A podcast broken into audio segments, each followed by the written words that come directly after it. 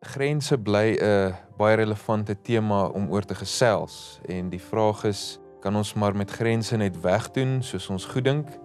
Of is grense nog steeds iets wat 'n positiewe rol speel in die wêreld?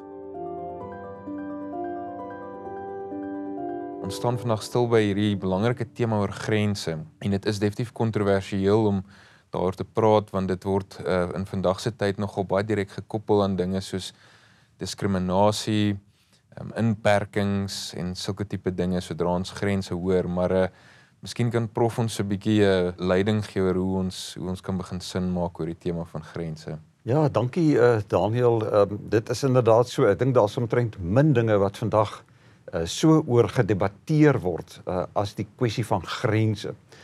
Kom ons gee 'n uh, 'n praktiese voorbeeld hiervan. Uh daar is vandag uh die sogenaamde groot uh immigrasieprobleem. Miljoene mense beweeg oor grense tussen landsgrense. So ons kan maar net verwys na die miljoene mense wat vanuit Afrika en die ooste na Europa toe immigreer of probeer om so toe te immigreer of vanuit die suide van Amerika na na die VSA toe. So daar uh, word geworstel met die kwessie van grense. Maar dit eindig nie daar nie. Dit gaan eintlik deur na vanaf so praktiese politieke probleme soos landsgrense gaan dit deur na groot geestelike dinge soos die grense tussen die ware uh en die valse, tussen die goeie en die en die slegte, tussen die mooie en die lelike. Waar lê die grense tussen hierdie dinge? So as mense oor grense praat, praat jy oor 'n omvattende probleem vandag. Ons hanteer standpunte hieroor. So miskien kan ons een standpunt by begin vir al die standpunt wat handhaaf dat grense meer weggedoen moet word of opgehef moet word dat dit nie regtig meer enige bydra maak nie of enige positiewe rol te speel het nie of dan natuurlik dien uh, vir 'n kanaal tot die uh, die ontdekking van betekenis en sulke dieper liggende uh, vraagstukke nie. So miskien kan ons wegspring met met met die een standpunt wat wat eintlik met grense dan wil wegdoen. Ja, uh, absoluut. Ek dink mens kan vandag duidelik twee teenoorstaande standpunte identifiseer. Uh, as mens uh, woorde daaraan wil knoop, kan mens sê daar is 'n globale standpunt of die globalistiese standpunt. Die globaliste gaan uit van die standpunt dat die wêreld moet eintlik grensloos wees.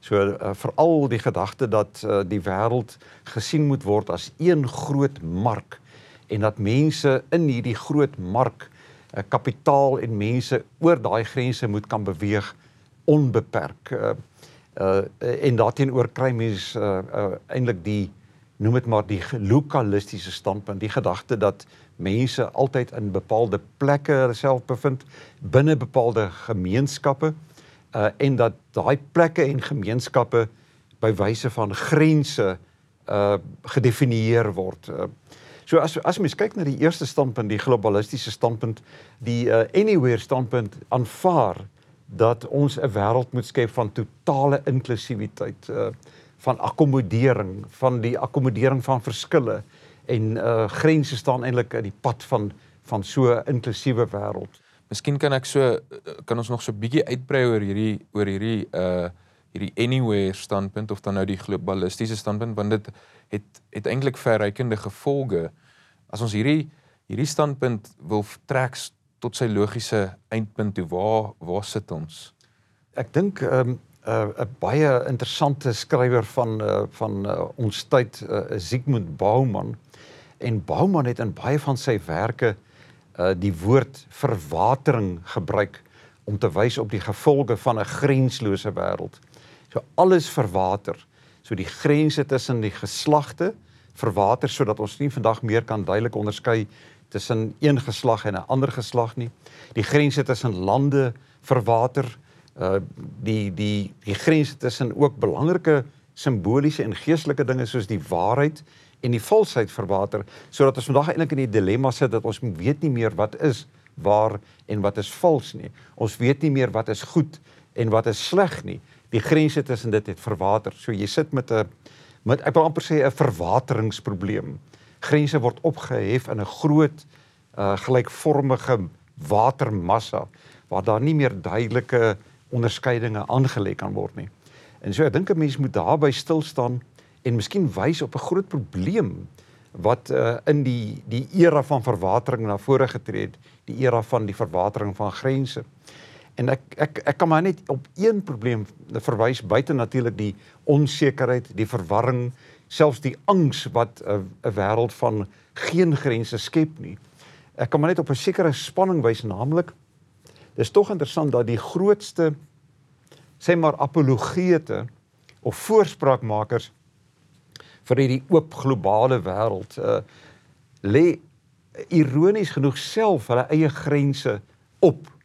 Hulle doen met grense weg, maar hulle omhels weer sekere grense en ek dink mense kan dit nêrens so goed aantref sê nou maar as in van hierdie groot besighede, die groot besighede, die Amazons en die smeer van ons wêreld is almal verbind tot 'n grenslose wêreld. Maar uh, as mens nou kyk na iets soos Netflix, uh, Netflix is ook verbind ideologies tot 'n grenslose wêreld. Maar baie van sy films wat hy maak, lê bepaalde ideologiese grense weer neer. Die die wyse waarop hulle films maak, die wyse waarop hulle historiese verhale vertel, is volledig binne in 'n politiek korrekte idioom. So hulle lê selfs grense neer.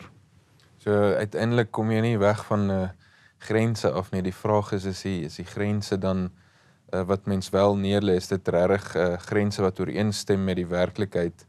Maar dit bring ons miskien dan juist by die ander uh, standpunt uit en dit is dan prof nog praat oor die anywheres. Uh, miskien kan ons 'n bietjie praat oor die somewheres of dan nou hierdie ander standpunt. Ja, die of mens kan ook sê die lokalistiese standpunt, die gedagte dat uh, dat ons altyd deel is van 'n bepaalde plek uh, of plekke of gemeenskappe, tradisies, godsdienste uh, wat begrens is.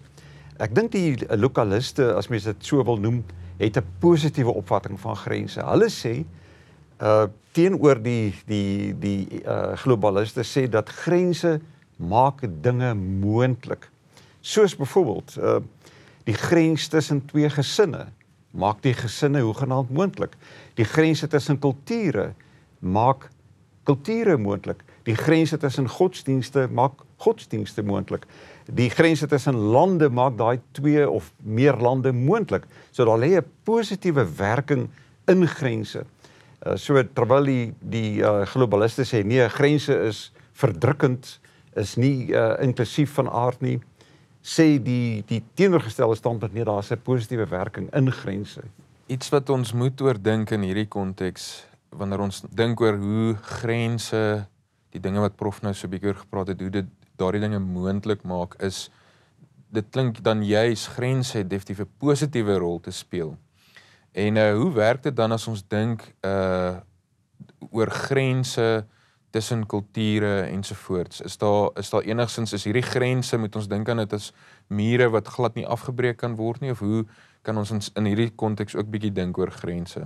Ek dink miskien moet mens net uh, eers weer net die punt herhaal. Dis uh, eintlik 'n ou wysheid uh dat grense maak goeie bure moontlik. Uh, so as daar grense is, dan kan daar ook goeie buurskap wees. En dit sê iets belangrik uh, in die positiewe opvatting van grense. Uh grense ja is noodsaaklik, dit maak verskillende wêrelde moontlik, maar dit maak ook goeie verstandhoudinge weerskante van die grense moontlik.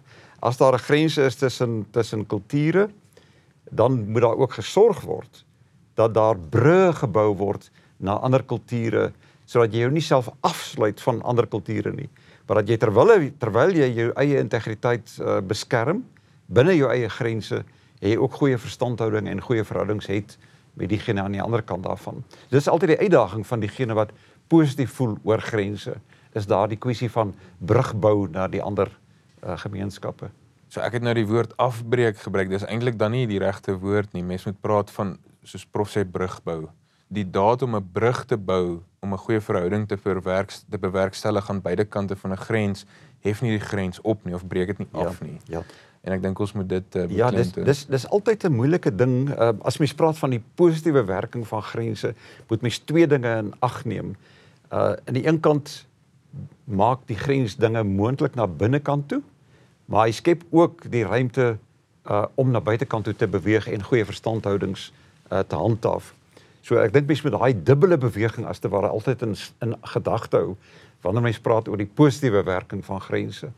So aan die een kant grense alles is vloeibaar hierdie verwatering so grense word in 'n sin uh dit dit verdwyn eintlik maar maar die ironie is dat daar word weer nuwe grense volgens 'n ander agenda of ander voorkeure eintlik maar net weer neergesit terwyl grense wat vanuit die werklikheid self uh gekenmerk word deur die waarheid, die goedheid en die skoonheid daarvan daardie grense maak dinge moontlik en dit gee dan ook die kapasiteit om daai brûe te bou waarvan prof gepraat het. Absoluut. Uh, ek dink mens moet uh, verwys na die die feit dat uh, grense as sodanig eintlik onvermydelik is. Selfs diegene wat grense wil ophef, uh, lê ook weer grense aan. Die eintlike vraag is hoe hanteer ons grense? As dit onvermydelik is, uh hoe hanteer jy dit? Uh sorg jy dat uh, jy eintlik goeie verhoudings het met diegene aan die ander kant die grens of sluit jy jouself binne jou eie grense toe? So die vraag aan jou is hoe dink ons oor grense? Is grense iets wat ons net mee kan wegdoen soos ons goed dink of het grense 'n groot rol te speel in die manier hoe ons die werklikheid oopsluit?